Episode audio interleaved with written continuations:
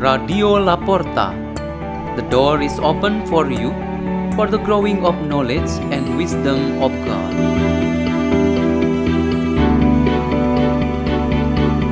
Delivered by Putri and Ivan from community of Pukat Laban Bajo, Diocese of Ruteng, Indonesia.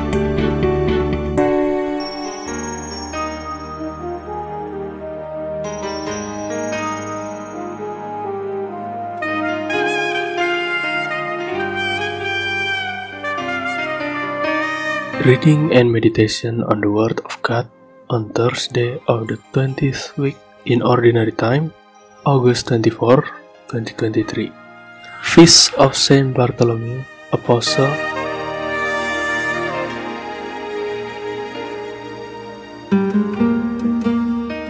A reading is taken from the Holy Gospel according to John. Philip found Nathanael and told him, We have found the one about whom Moses wrote in the law, and also the prophets, Jesus, son of Joseph, from Nazareth. But Nathanael said to him, Can anything good come from Nazareth? Philip said to him, Come and see. Jesus saw Nathanael coming toward him and said of him, Here is a true child of Israel. There is no duplicity in him. Nathanael said to him, How do you know me? Jesus answered and said to him, Before Philip called you, I saw you under the fig tree.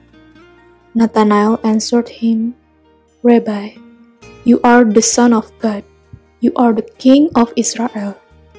Jesus answered and said to him, Do you believe because I told you that I saw you under the fig tree?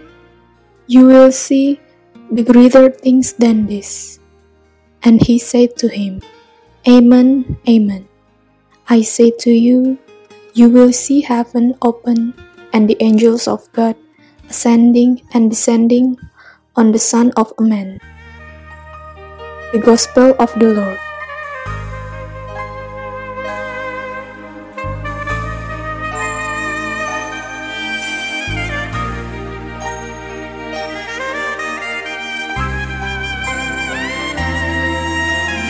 The theme for our meditation today is See the Best.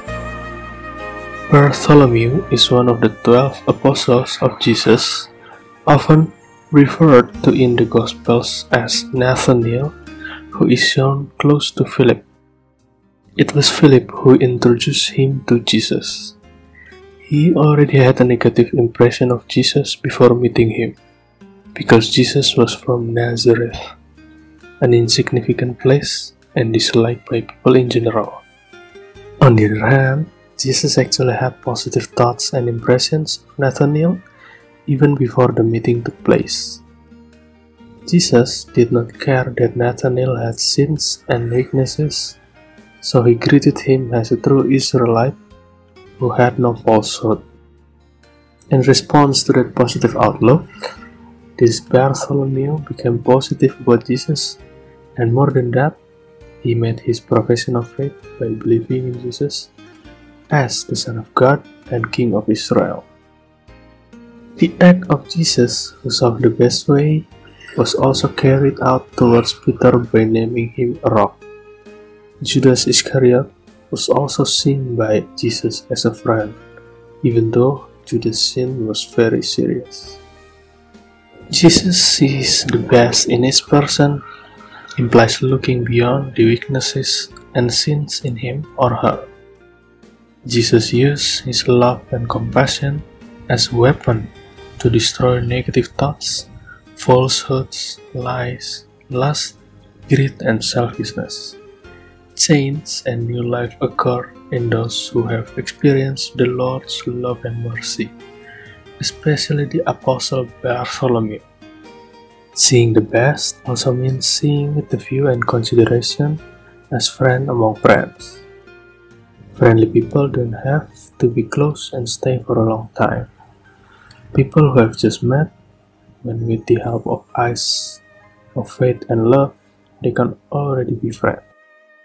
Strangers, guests, or newcomers will find it helpful to feel at home and be able to adjust when they are seen in this way. From that friendly gesture, we can create an ability to see what brings an atmosphere of peace and comfort. Such an atmosphere greatly benefits everyone involved. Seeing the best also uses the prophetic way as the book of Revelation does. It is the hope of a perfect life in the kingdom of heaven. Bartholomew place was already reserved for the twelve apostles.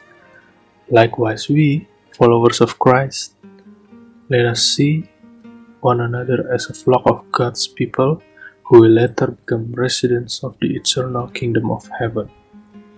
So, we really deserve to remind and support each other to arrive together at that goal. Let's pray. In the name of the Father, and the Son, and to the Holy Spirit. Amen. O Lord Jesus Christ, strengthen and enable us to always see the best in each other, as you yourself do. Glory be to the Father, and to the Son, and to the Holy Spirit, as it was in the beginning, is now, and ever shall be, world without end. In the name of the Father, and the Son, and to the Holy Spirit. Amen. Radio La Porta. The door is open for you.